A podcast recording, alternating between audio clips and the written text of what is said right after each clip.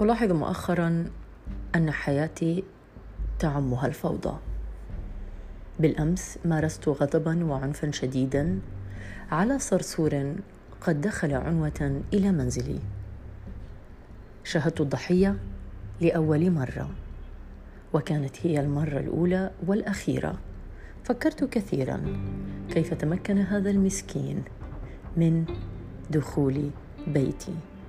من احتلال ذلك المقر الذي يتسع لي أنا وحدي.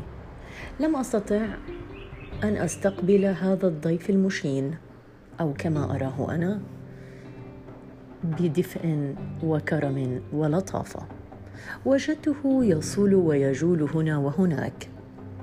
في البداية غضضت الطرف ولكن بعد ذلك بعد ذلك شعرت بغضب شديد يكتسحني من تراكمات في الماضي تعود لسنين عجاف في حياتي. وكان السلاح هو السلاح المعروف. لم أكن متطورة بل كنت عدوانية في سلوكي. فقد استخدمت شبشبي وقتلته على الفور. وبدأت بعد ذلك بالبكاء الشديد.